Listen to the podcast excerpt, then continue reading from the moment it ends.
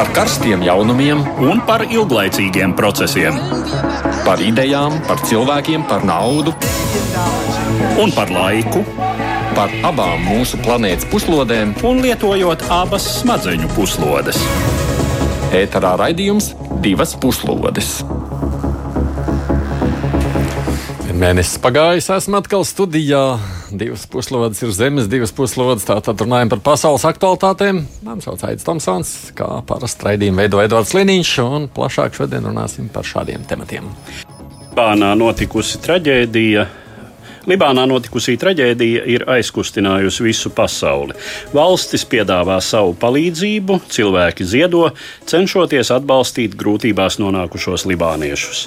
Libāna jau tāpat bija politiskā un ekonomiskā krīzē, bet sprādziena izraisītās sekas būs ļoti grūti pārvarēt. Mēs pievērsīsimies tuviem austrumiem tā raidījumā plašāk. Virkne valsts šajā reģionā ir nonākušas vēl lielākās ekonomiskās grūtībās nekā līdz tam un koronavīrus pandēmija nepavisam nepalīdz. Žurnālisti ziņo, ka patiesā aina ir bēdīgāka nekā oficiāli par to tiek ziņots. Atsevišķi ētera laiku veltīsim netālām kaimiņu valstīm. Publiski izskanējušie izteikumi liek domāt, ka pēdējā laikā pasliktinās Igaunijas un Somijas attiecības. Daudzus gadus tās ir bijušas ļoti labas, bet atšķirīgie pēdējo vēlēšanu rezultāti šķiet ir iedzinuši ķīli starp abām kaimiņu valstīm. Mums studijā kopā ir šeit arī politologs, vēstures doktors Ajārs Skudra. Labdien arī jums! Labdien, labdien! Mēs arī raidījumā ar kādiem sazvanīsimies, bet mēs sāksim vēl ar dažām citām ziņām īsumā.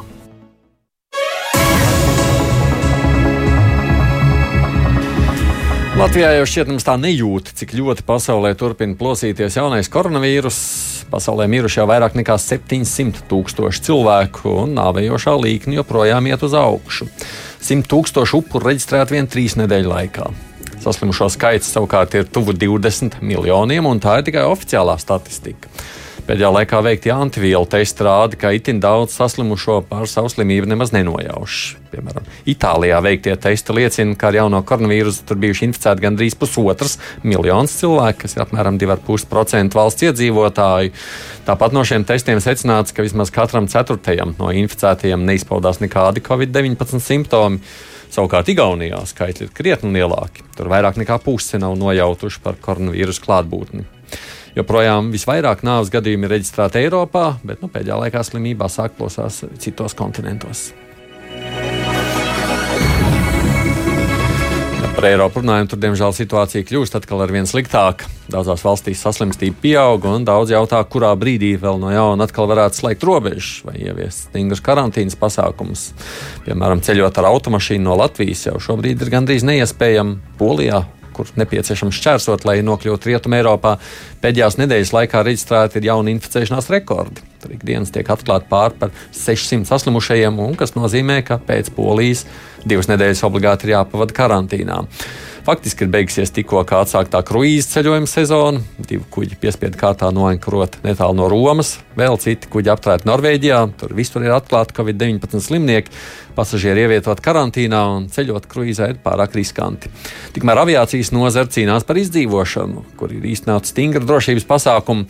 Itālijas Nacionālais civilās aviācijas dienests, piemēram, ir draudējis apturēt līdz sabiedrībai Ryanair izsniegto atļauju lidot Itālijā jo viņiem aizdomas, ka līdz sabiedrība neievēro visas koronavīrus pandēmijas dēļ noteiktās drošības prasības.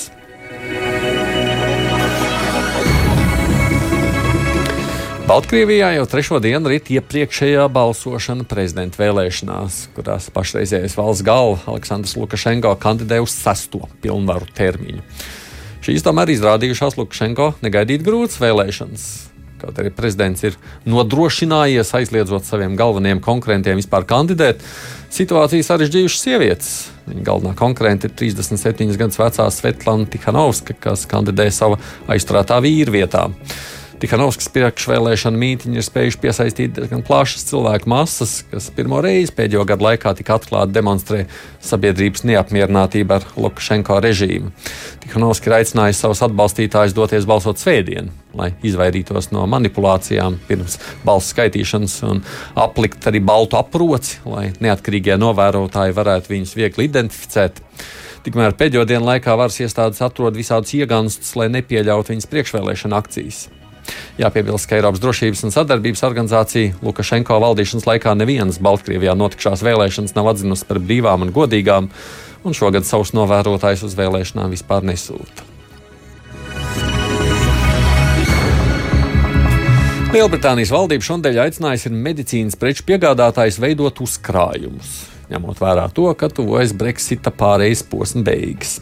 Mēs mudinām uzņēmumus padarīt uzkrāšanu par svarīgu daļu no rezerves plāniem un aicinām nozari pēc iespējas veidot uzkrājumus, kur mēģinājums līmenis būtu sešu nedēļu kopējais daudzums Lielbritānijā. Tā ir teikts Veselības ministrijas vēstulē medicīnas preču piegādātājiem, kas pirmdien publicēta ministrijas vietnē. Kā zināms, sarunas par pēc-Brexita brīvās tirdzniecības vienošanos pašlaik ir nonākušas strupceļā, un, ja vienošanās netiks panākt, tad starp Eiropu un Lielbritāniju tiks ieviestas dažādas barjeras kas visticamāk sākotnēji nozīmēs preču plūsmas samazināšanos. Līdz ar to Brītu valdība tagad fokusējas uz to, lai nodrošinātos, ka valstī nepietrūktu medikamentu. ASV turpinās atklāt spriedzi starp sociālajiem tīkliem un prezidentu Donaldu Trumpu. Twitter trešdien paziņoja, ka uz laiku ir bloķējis Trumpa oficiālās vēlēšana kampaņas konta tvītošanas funkciju, jo tajā bija parādījies ieraksts ar dezinformāciju par Covid-19. Video klipā Trumps apgalvoja, ka bērni esot gandrīz imūni pret jauno koronavīrusu. Twitter pieprasīja šo tvītu izdzēst. Trumpa komanda arī to ir izdarījusi, tagad tvīti atkal atsaukušies, bet līdzīgi šoreiz reaģējis arī Facebook. Arī viņi šo pašu Trumpa ierakstu ir izdzēsuši, nosaucot to kā kaitīgu dezinformāciju par Covid-19. Šī arī pirmā reize, kad Facebook nodēvē Trumpa ierakstu par bīstami nepareizu. Iepriekš Facebook bija izdzēsis vienu citu ierakstu no viņa vēlēšana kampaņas lapas, jo tajā bija izmantots nacistu simbols. Jāpiebilst, ka ASV veselības aizsardzības amatpersonas ir aicinājušas cilvēkus visās vecuma grupās izsargāties no jaunā koronavīrusa un paziņojuši, ka tas apdraud ikvienu.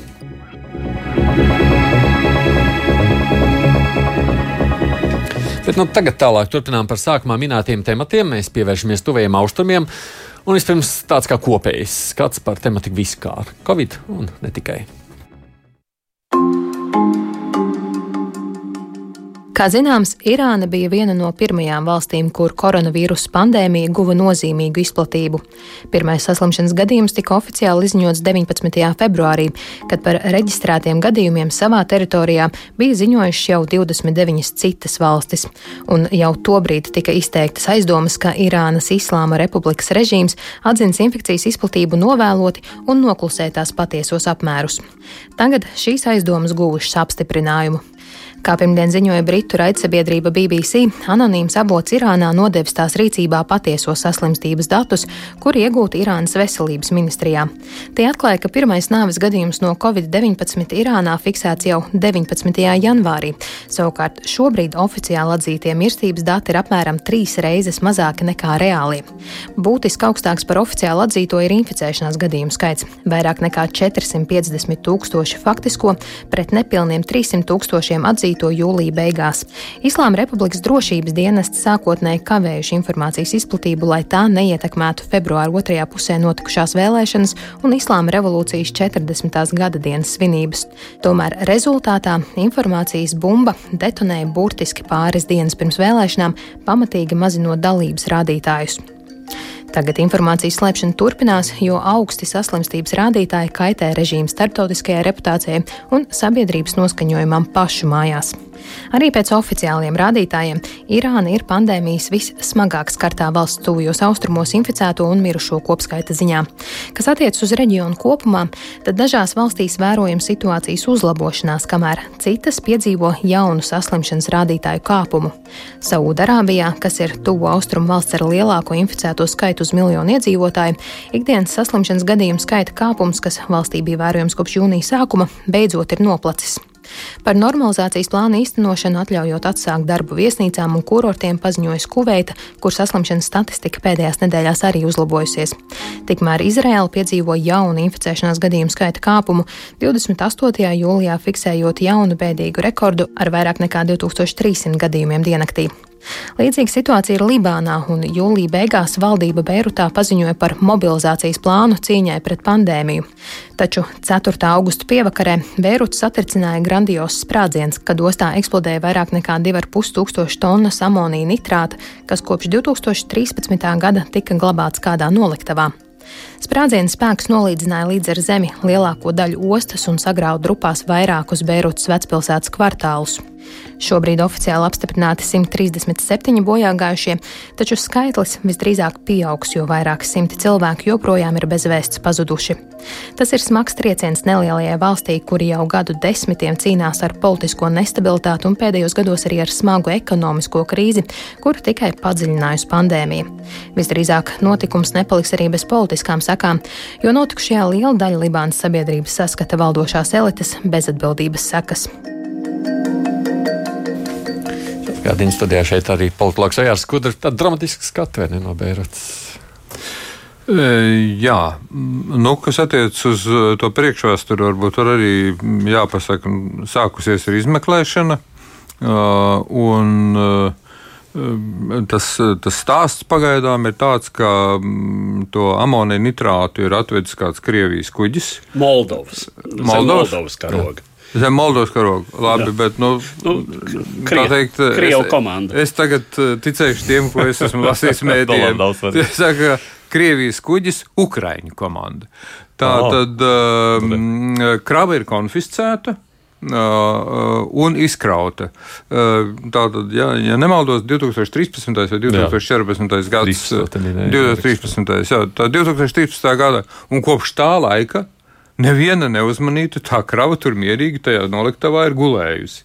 Nu, eh, vārdu sakot, jāpiekrīt eh, Libānas valdības eh, vadītājiem, kuri saka, ka tā ir bezatbildība, haoss augstākajā mērā, kādu Libāna vēl nekad nav pieredzējusi.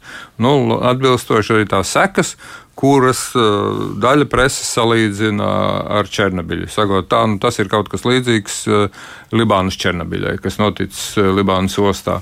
Mm, tā kā nu, pēc visas spriežot, un tā kā amerikāņu Pentagona šefs ir izteicies pretēji Trumpam, ka viņš uzskata, ka tas ir nelaimes gadījums, tā tad, ka tur nav runa par teroraktu un tā tālāk. Eh, kas Trumpam šķiet drīzāk ticama versija, spriežot pēc viņa izteikumiem, eh, tad eh, nu, ir skaidrs, ka visticamākais tas ir viens no bēdīgajiem rezultātiem tam, ka šī valsts faktiski ir pārstājusi funkcionēt. Ne bruņotie spēki, ne valsts pārvalde, ne ekonomika, ne valūta, nekas tur nedarbojas. Vēl jau vairāk runājot par, par medicīnu. Līdz ar to Protams, nu, tā, tagad pirms tā sprādziena bija paziņojums, ka šodien, 6. augustā, Libānā sāks otrais teikt, lockdown, jeb slēgšanas mm. periods, kas turpināsies līdz 10. augustam, no acīm redzot, tagad ilgāk. Jo, jo skaidrs, ka nekādu kvalitatīvu medicīnisku palīdzību, nu, vismaz Beirutā, sniegt nav iespējams. Mm. Tāpēc es teiktu, ka tā, tā situācija ir Nu, eh, ir eh, sarežģīti arī tā iemesla dēļ, ka mm, eh, bruņotās vienības ar nosaukumu Hezbollah, kurā, kuras atbalsta un apbruņo Irāna, mm, nu, ir gatavas un turpina faktiski militāras operācijas uz robežas ar Izraēlu. Un, un, un Izrēlā skan tādas satrauktas balsis, ka Izrēlē ir jābūt gatavai uh, kārtējam karam, uh, nu, nenosaucot tieši ar kuru no kaimiņu valstīm. Nu, kandidāti ir divi - Sīrija vai, vai Libāna.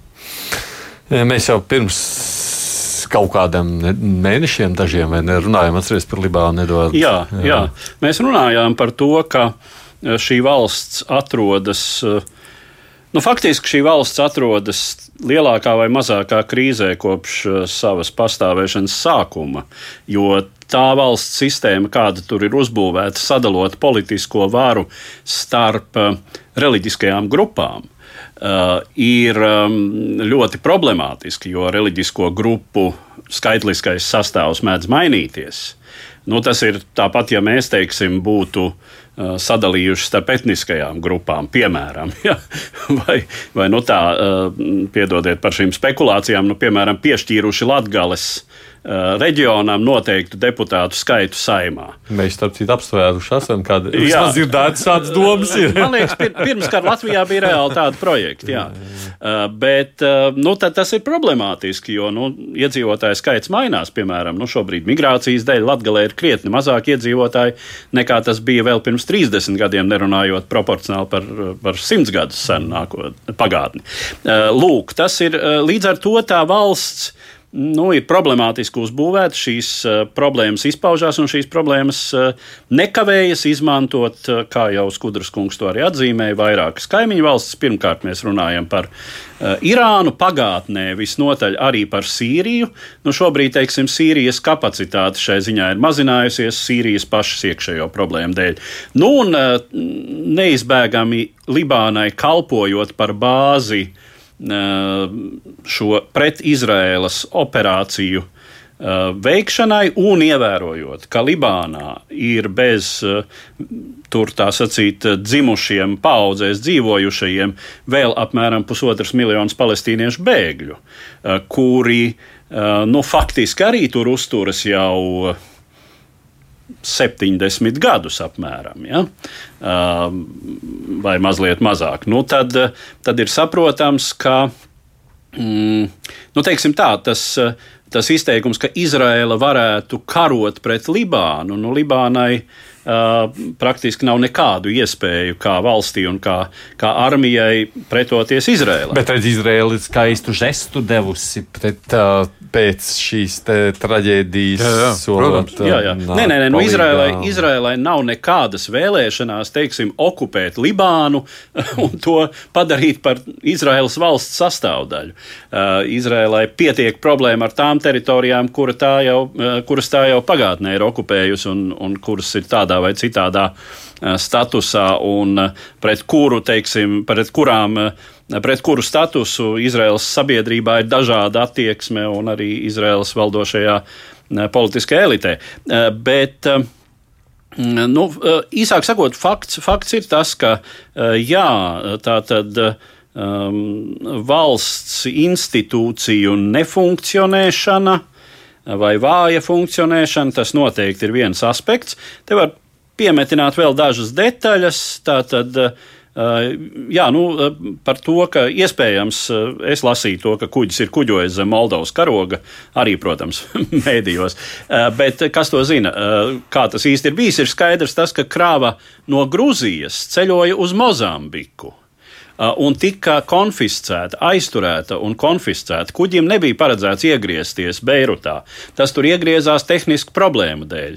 Tika mm. apsekots un konstatēts, ka uz Mozambiku tiek vests šis amonija nitrāts, kas ir izmantojams arī sprākstvielu izgatavošanai. Vispār minerāli mēsli, bet var uztaisīt no mēsliem arī bumbu. Un, uh, nu, tad, jā, tad pēc tam tas palika, kamēr šī bumba dabiskas entropijas rezultātā izveidojās pamazām pati. Es šodien skatījos, arī neatceros, gan kurā no TV kanāliem bija šī kuģa kapteinis intervēts. Tur viņš atmiņās dalījās, kā toreiz viņa prāt, nu, jā, nu viņam atņēma.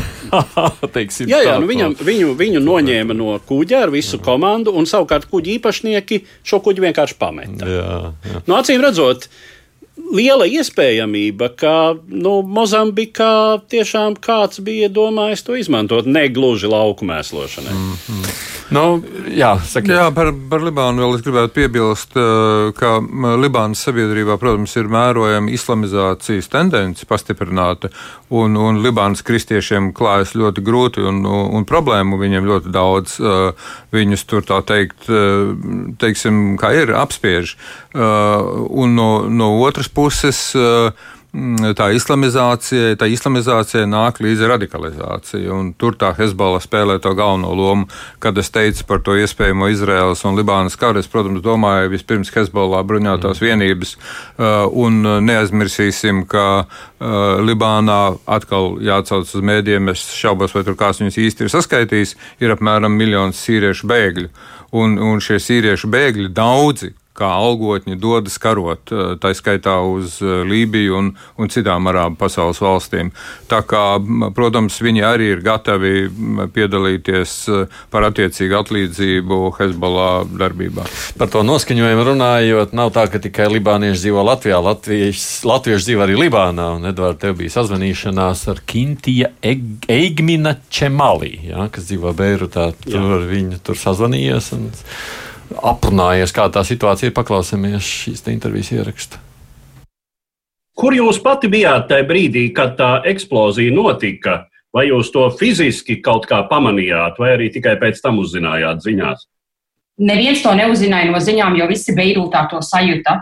Jebkurā vietā, kur cilvēki bija. Es pati personīgi varu pārskatīt ostu no sava dzīvokļa. Es atrodos apmēram divu kilometru attālumā. Un kas šeit notikās, tas ir vienkārši vārdiem neaprakstāms. Tās pirmās sajūtas bija tādas, ka nu, nu, kaut kāds sprādziens, drausmīgais sprādziens ir noticis. Mums visa māja vienkārši šūpojās. Tur vienkārši nav vārdu, lai to aprakstītu tā kā Libanonā neviens neiet uz darbiem dēļ koronas, tad visi bija mājās. Bet, nu, kas ir noticis vecpilsētā, tas ir vārdiem neaprakstāms. Tā kā, nu, bet, nu, ko es vienkārši jūtu, pieņemsim, nu, tagad tu nevari iekāpt mašīnā un aizbraukt uz savu darbu. Es strādāju Amerikas Universitātē apmēram vienas minūtes braucienā, kur notika sprādziens. Un es tā kā Libanonā tikai viena mēroga ceļš, tā kā viens liels ceļš. Turpat nemaz cilvēks nevar no punkta A uz punktu B vairāk aizbraukt jo sprādziens, kur notika pie ostas, tur blakus ir tilts. Un, lai pārbrauktu uz vecpilsētu, ir jāpārbrauc pāri šim tiltam. Un vakar tika ziņots, ka tilts ir aizslēgts. Tā kā cilvēki pat nemaz nevar nokļūt uz darbiem. Man, piemēram, darbā, kur strādāju Amerikas Universitātē, tur ir visi logi izsisti, visas sienas nobrukušas. Studenti noteikti septembrī nevarēs nākt studēt atpakaļ uz kampusu. Jā, nu, varbūt tomēr Pāris vārdus par tiem konkrētajiem bojājumiem, kas ir nu, jūsu mājā, divu kilometru attālumā. Tie ir izsisti logi vai vēl kaut kas? Jā, mūsu mājā ir izsisti pilnīgi visi augšējie logi, ar pilnīgi ar visiem rāmjiem. Logi ir iznākuši ārā, bet nu, tas, kas ir noticis vecpilsētā, pieņemsim, mums ir uh, radinieki, kas dzīvo pie pašas ostas, viņiem vairāk mājas nav. Vienkārši jumts ir viss salocījies, visas sienas ir um, izbrukušas. Mājā, kur man radinieki dzīvo, tur vienkārši neviens pilnīgi nav dzīves palicis. Ģimene ar četriem bērniem un diviem pieaugušajiem ir uh, zem grupām pašlaik, pat viņu ķermeņi nav atrasti. Kā jums šķiet, uh, Libānas dienesti, kas ir uh, glābšanas dienests, medicīnas palīdzība, ātrā palīdzība, cik tie ir spējīgi vispār tikt ar šo situāciju galā? Nu, man liekas, eh, cilvēks, jebkurš, kas dzīvo Lebanonā, saprast, ka Lebanonā krīze jau notikās pirms šīs sprādziena. Lebanonā ir ekonomiskā krīze, un tajā visā sakarā vēl korona pa virsmu ir. Nu, Lebanonā ar šādu sprādzienu vienkārši nezinu, ko darīt, tāpēc nu, jebkuras ārvalsts palīdzība ir ļoti nozīmīga pašlaik. Man liekas, ka vislielākā palīdzība, kas tiek dota, ir Red Cross Tā kā nu, latviešu sarkanais krusts, tā kā jebkurš, kurš var uh, ziedot naudu, es noteikti ziedotu sarkanajam krustam, jo tā ir vienīgā neatliekamā palīdzība, kas tev var aizvest uz slimnīcu un dot kaut kādu uzreiz medicīnisko palīdzību. Kāda būtu tā palīdzība, ja jūs varat to konkrēti nosaukt? Kura būtu visvairāk vajadzīga, ko teiksim, Eiropas Savienības valstis, tā skaitā Latvija, varētu darīt lietas labā, lai palīdzētu Libānai? Nu, noteikti pirmā lieta būtu medicīna, jo visas slimnīcas, nu, ko lasa no mēdījiem, ir pārpildītas. Un tā kā mums šeit bija ekonomiskā krīze pirms sprādziena, tad medicīna pat nebija iespējams nopirkt. Otrs noteikti būs pamata ēdieni, jau runā par to, ka nebūs vairāk maizes cilvēkiem, ko nopirkt. Un trešā un nozīmīgākā lieta pašlaik Lebanonā 300 tūkstoši cilvēki ir bez mājām. Un, ja viņiem ir palikušas mājas, tās visas ir grupas, viņiem nav ne sienas, nekā nav. Tā kā es domāju, nu, naudu, lai cilvēki varētu kaut kur izīrēt tālāk kalnos māju noteikti. Tā kā nu, medicīna, ēdamais un dzīvesvieta ir visnozīmīgākais pašlaik.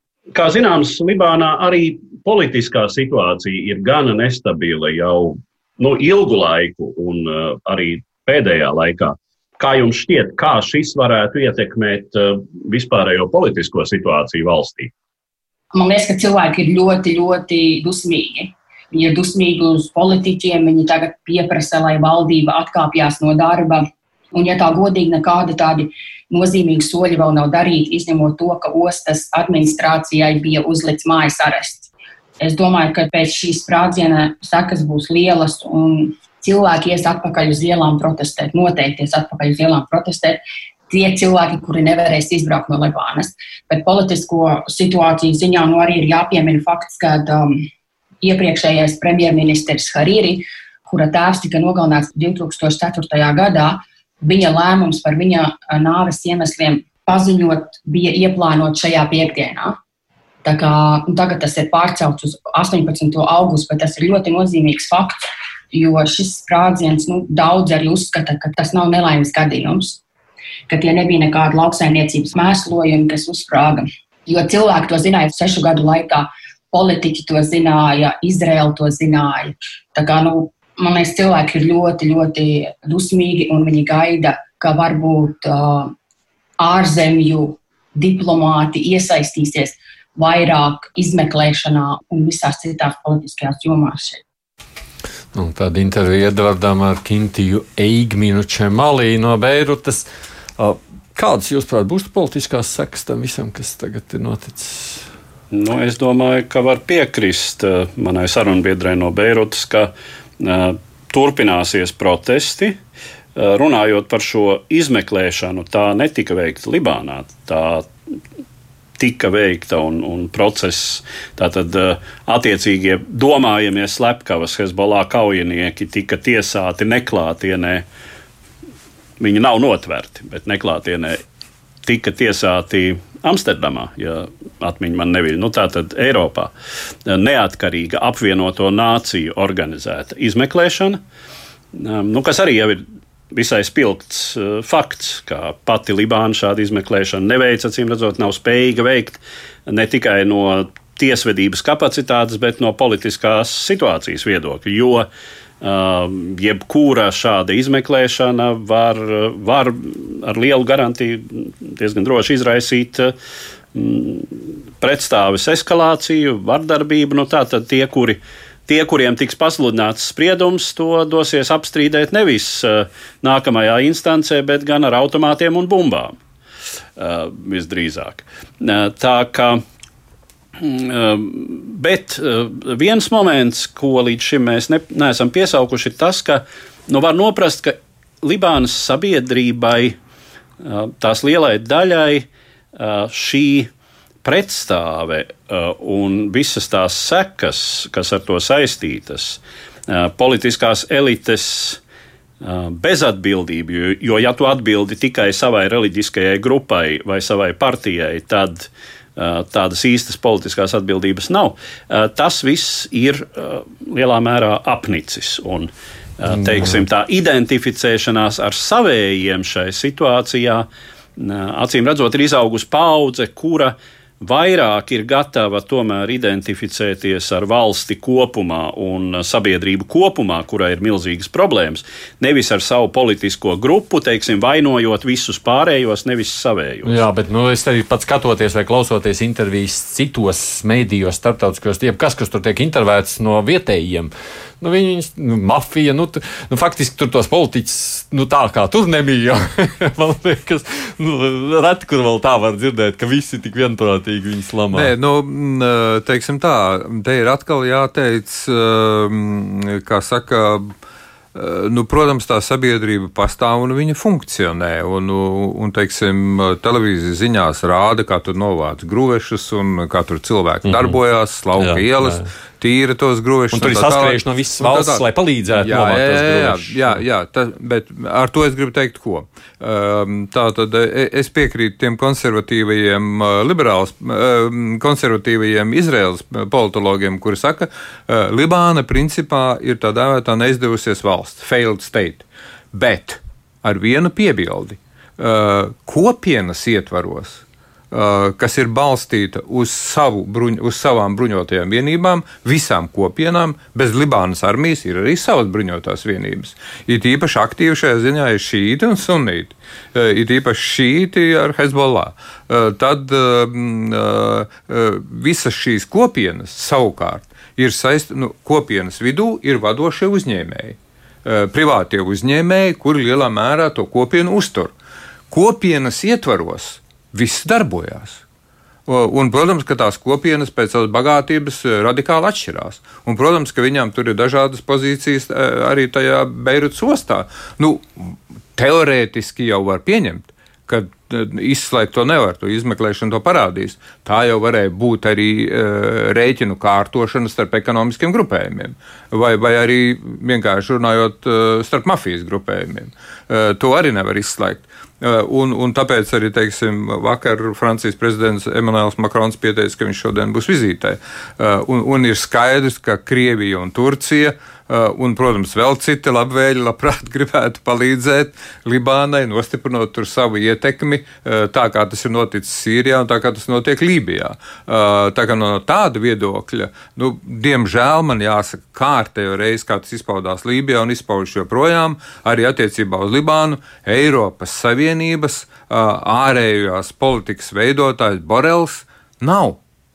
Nav šī cilvēka, nav nekādu paziņojumu.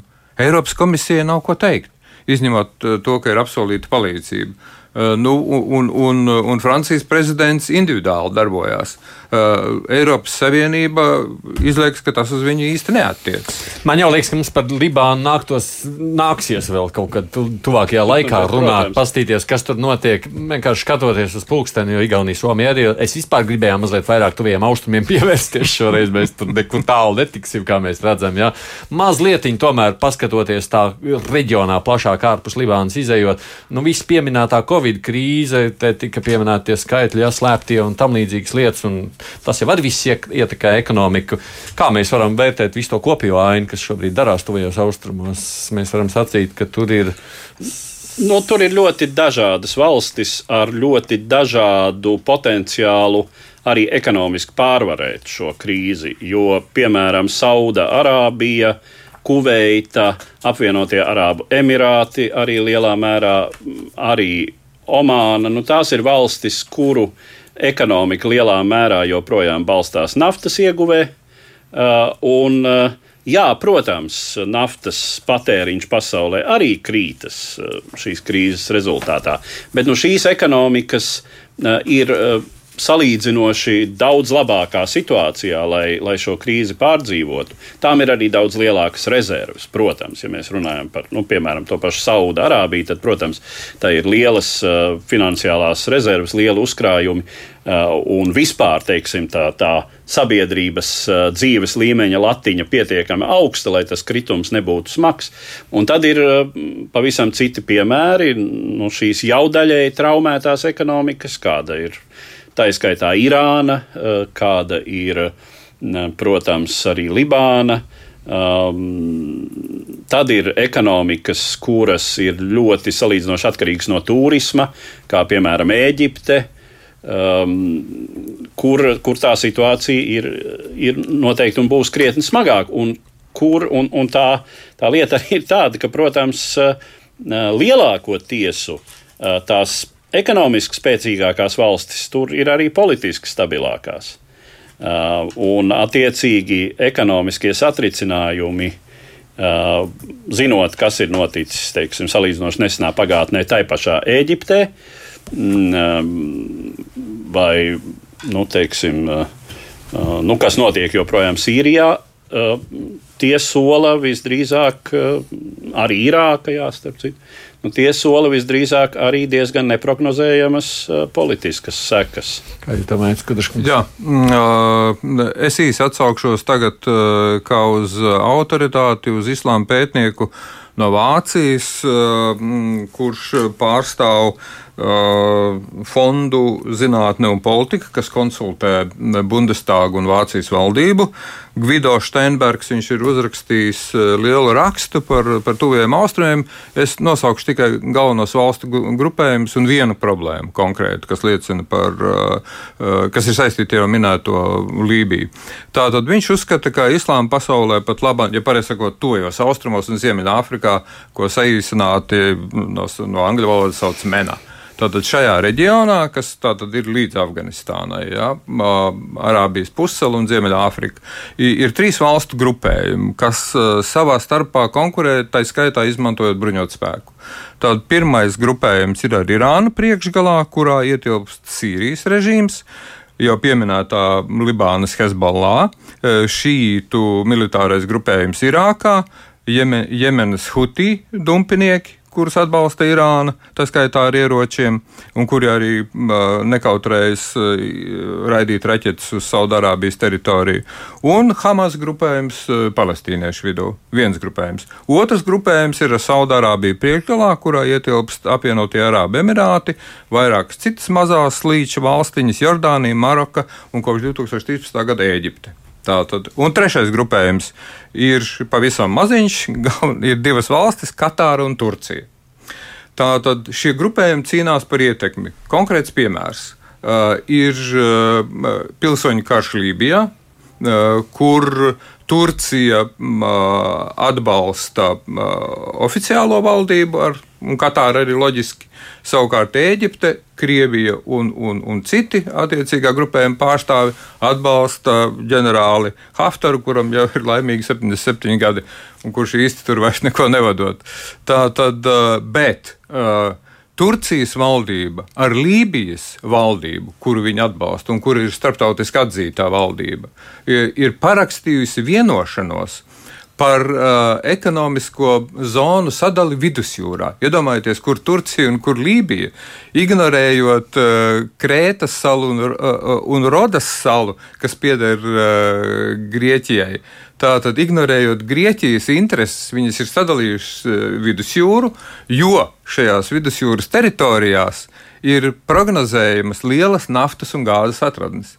Uh, un, protams, jau tagad rit cīņa ar starp Grieķiju, Kipru, Izraēlu, Eģiptu, apvienotajiem Arābu Emirātiem no vienas puses un Turciju tādu, un Katāru no otras puses par austrumu vidusjūru. Tajā skaitā par, par Libānas piekrasti. Un, un tur ir pilnīgi droši jau noskaidrots, ka tur ir lielas naftas un gāzes atradas. Nu jā, tur, ir, tur ir tā jā. lieta, ka uh, Turcijas un Lībijas ekonomiskās zonas vidusjūrā nesaskartos, ja Turcija par savu piedarumu jau neuzskatītu Ziemeļkipru. Oh, labi, nejauksim cilvēkiem galvas. Domāju, šo beidzam. ja tur ir. Nē, nē, tur būs tur, turpinājums. Tur, tur, jā, Ilgstošs turpinājums. Turpinājums, ievērojot, līdz, līdz ka, ka Kipra ir Eiropas Savienības sastāvdaļa. Mm. Turpinājums ar mūsu jā. Eiropas Savienības līdzekļiem. Bet, bet viss šo sadaļu šodien beidzam. Mēs gribam pievērsties vēl krietni tuvākajai sadaļai. Mazliet tomēr vēl viens cits temats par mūsu pašu kaimiņu valstīm.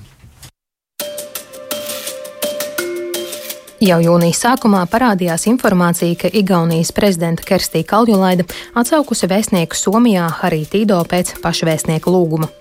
Pagājušās nedēļas nogalē pats vēstnieks Somijas sabiedriskajai televīzijai paskaidrojis, ka viņa aiziešanai no amata ir divi iemesli - vecums un nesaskaņas ar pašreizējo Igaunijas valdību.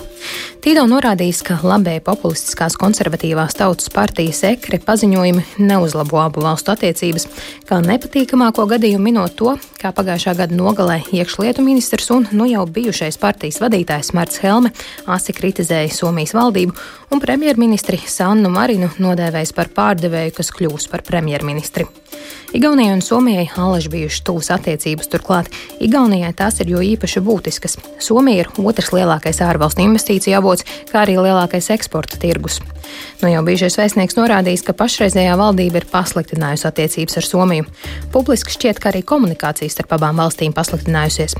Pagājušajā nedēļā Igaunijas valdība skaļi paziņoja, ka neatbalstīs tuneļa izbūvi starp abu valstu galvaspilsētām, ja to būvēs par Ķīnas un privātu investoru naudu, tā vietā atbalstot Somijas un Igaunijas finansētu projektu. Taču, kā norāda Somu kolēģi, šāds projekts neeksistē, un jau vairākus gadus starp abām valstīm nenotiek sarunas par šādu tuneļu izbūvi.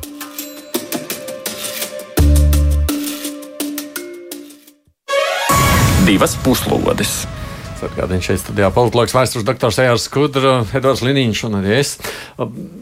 Ir tā, ka Igauniem sāk nepatikt Somi. Kā jāsaprot šos te nē, nē, es domāju, ka Somija Igauniem joprojām ļoti patīk, un sevišķi Igauniem kuri balso par ekre, patīk īstenie somi, proti, somu partija. Mm -hmm. Lieta ir tāda, par ko mēs arī jau esam runājuši, ka Igaunija ir ļoti cieši saistīta ar Somiju. Tā skaitā ļoti daudzi Igauni dodas uz Somiju, regulāri Somijā strādā. Pavada tur darba nedēļu un varbūt labākajā gadījumā uz brīvdienām atgriežas savā dzimtenē. Un Viņi acīm redzot, izjūt Somijā to, ka tur ir citu valstu imigranti, tā skaitā no ārpus Eiropas Savienības, kas viņiem šķiet un arī ir, protams, konkurenti šai darba tirgū. Eh, un eh, tas arī ir tas motīvs, ar kuru šī ekre eh, ir būvējusi savu priekšvēlēšanu ksenofobisko, populistisko platformu, jo pašā Igaunijā šādas imigrācijas nav. Un arī visdrīzākajā laikā nav, nav tāda paredzama. Tas citautiešu motīvs kas, ir, nu, kas būtu, teiksim, Igaunijas krievalodīgie. Tas ekrē nav uh, raksturīgi, tā, tas, tas, tas nav viņu, viņu tā sacīt, jājam zirdziņš. Uh, bet, uh, jā, ksenofobija, kas ir vērsta tieši pret tā sacīt, tiem, kuri, nu, kā tas parasti tiek definēts, tātad ierodas Eiropā ar nolūku graut mūsu vienoto tradicionālo Eiropas kultūra telpu, atņemt mums mūsu vērtības, mūs islāmizēt un galu galā vispār visus šeit visdrīzāk izskaut. Viņi grib padarīt labāku Somiju. Jā, nu, vienīgi tas, ko viņi drusku nokavēja, ka tas brīdis, kad, kad Somijā šī tendence pašā Somijā bija zināmā apogejā, kad šī Somu partija bija valdībā, gan, jāsaka, pateicoties um, gatavībai sadarboties ar šīs partijas mērenāko spārnu. Tad tas brīdis ir nokavēts, ir, ir bijušas vēlēšanas, Somijā ir pavisam cita valdība ar pavisam citu attieksmi pret šīm problēmām. Un, un šī Somija partija vispirms ir, ir sadalījusies radikālākās un mazāk radikālās frakcijās, un tuvākajā laikā visdrīzāk savu, savu politisko potenciālu neatjaunos. Kas nozīmē, tas liecina par divām dažādām politikām. Igaunijā viena, Somijā cita. Uh, nu, kas attiecas uz Igauniju, es gribētu atgādināt divas lietas, uh, kas, uh, kas Igaunijā, protams, ir nesalīdzināmi svarīgāk nekā tur kāda pensionēta diplomāta izteikumi un, un, un komentāros mēdī. Tad Igaunija šobrīd ir ANO drošības padomes nepastāvīgā locekle. Es atvainojos. Latvijai tas prieks stāv priekšā vēl pēc uh, gadiem pieciem, uh, vai pat ilgāka laika perioda, ja, ja izdosies un veiksies. Uh, tā tad Lietuva tur jau ir pabijusi. Tātad par, par Igaunijas starptautisko prestīžu nav nekādu šaubu, lai ko tur ekre gribētu vai negribētu iekšpolitiski. Tā ir viena lieta. Otra lieta ir e, tāds, e, tāda valstu grupa, kas e, varbūt ne īpaši skaļi sevi piesaka starptautiskajā politikā, bet, bet nu, tomēr pastāv un, un, un lietas tur attīstās un notiek. Mm, tas ir angliski saucas Nordic Baltic 8. Tātad Ziemeļ, Ziemeļa Baltija 8. Tātad Ziemeļbaltija astoņi ir trīs Baltijas valstis - Somija, Zviedrija, Norvēģija, tātad seši, Dānija septiņi un Islanda astoņi. Tā tad šajā astotniekā šogad prezidējošā valsts, piedodiet, ir Igaunija. Vārdu sakot, lai tā ekre paskatās uz to, kāda Igaunijai vieta ir starptautiskajā dzīvē, starp valstīm, nemaz nerunājot par NATO un Eiropas Savienību. Un, un tad, lai viņi mēģina apjēgt, ko gan viņi citu gribētu piedāvāt Igaunijai. Nu, jā, ne, tur jau varētu, man, man jāsaka, izlūdzoties atvainošanos, atvainošanas kudras kungam, bet nu, tikpat labi jau mēs varētu teikt, ka Ungārija arī šķiet ir bijusi gan apvienoto nāciju drošības padomes nepastāvīgā locekle, gan tā ir Eiropas Savienības dalība valsts, kādā brīdī tai piekritīs prezidējošās valsts status Eiropas Savienībā. Un, un tā tālāk, un tā tālāk, neskatoties uz to, teiksim, šobrīd tiek atzīts, ka tās ka tā politika, kur īsteno Ungārijā pie varas esošais, pastāvīgi esošais politiskais spēks, nu nekādi neiet kopā ar tiem priekšstatiem, kādi ir likti Eiropas Savienības pamatā. Jā, bet vien, vien tikai viena piebilde. Bet ko tas nozīmē praktiski? Praktiski tas nozīmē solījumu, ka Eiropas komisija, izskatot daudzgadu budžetu, pilsētām neķersies klāt ne Ungārijai, ne Polijai bet pilsētām, kurās lūk, tur kaut kā ne tā izturās pret, eh, pret gejiem un lesbietēm un viņu apvienību, eh, ka tām pilsētām varētu nepiešķirt Eiropas Savienības naudiņu. Vai, vai arī, ka Eiropas komisija iebildīs pret tās naudiņas piešķiršanu projektiem šajās pilsētās, kur ir tās, eh, tā sliktā vietējā pašvaldība. Tā tad uh, ir, ir pilnīgi skaidrs, par cik Eiropas Savienībā valda vienprātības konsensus princips, un nav kvalificētā vairākuma princips eh, izšķirošais Eiropas padomē, kur tieks valstu vadītāji. Tāpat arī jautājumā par, par ekri. Nu, viņi var aizrunāties līdz valdības krīzei, un viņa vietā būs citi. Jā, tas ir tiesa. Un, protams, mēs te runājam par ekri tā, it kā viņi būtu Eh, kāds, Vadošie. kāda nepārvarama vara. Eh, bet būtībā jau, būtībā jau pie visas šīs putras, ja mēs to tā varam nosaukt, ir vainīga Igaunijas centra partija, kura uh, vienkārši uzskatīja par labāku nevis veidot loģisku, lielu un stabilu koalīciju ar lielāko Igaunijas oh. parlamenta partiju, proti, reformu partiju, liberāli, centrisku spēku Eh, bet gan ar nacionālistiski ievirzīto tēvzemi. Igaunijas tēvzemes partiju un šo eh, šķiet, ka pilnā nosaukumā tā ir Igaunijas konservatīvā tautas partija. Es, eh, ja es, ja es pareizi atceros, bet nu, mēs visi pazīstam to kā ekri. Ja? Mm. Kas, ir, kas būtībā ir, es teiktu, politisks avantūrisms kas, kas nav laba politika, mm, ja mēs uz to skatāmies no, no tāda mm, tālējoša mm, valsts stratēģijas viedokļa, bet, protams, ērta, ērta politika šai konkrētajai partijai dotajā brīdī, nu, tad viņi arī tā sacīt, zināmā mērā streps un, un, un pļausko ir. Jā, jā, nu. jā bet, bet, bet šeit ir, šeit ir vien, viena piebilde. Tomēr Eiropas Savienībā kopumā un, un rietumu demokrātijās kopumā mēs saskaramies ar populismu, labējo un kreiso, ekstrēmistiem, labējiem kreisiem un tā tālāk un joprojām. Viņi tā skaitā intensīvi izmanto nacionālismu. Tas attiecas gan uz labējiem. Ja? Bet, bet, bet tā kā rietumu liberālā demokrātija, kas saistībā ar tirgus ekonomiku, bet liberālās demokrātijas modelis.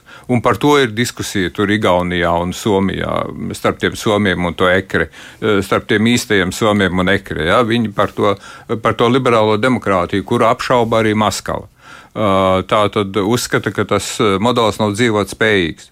Bet visi nopietnie rietumu politologi, vienalga kādu viņa krāsu arī pārstāvētu, visi saka, ka demokrātijai rietumos ir problēmas.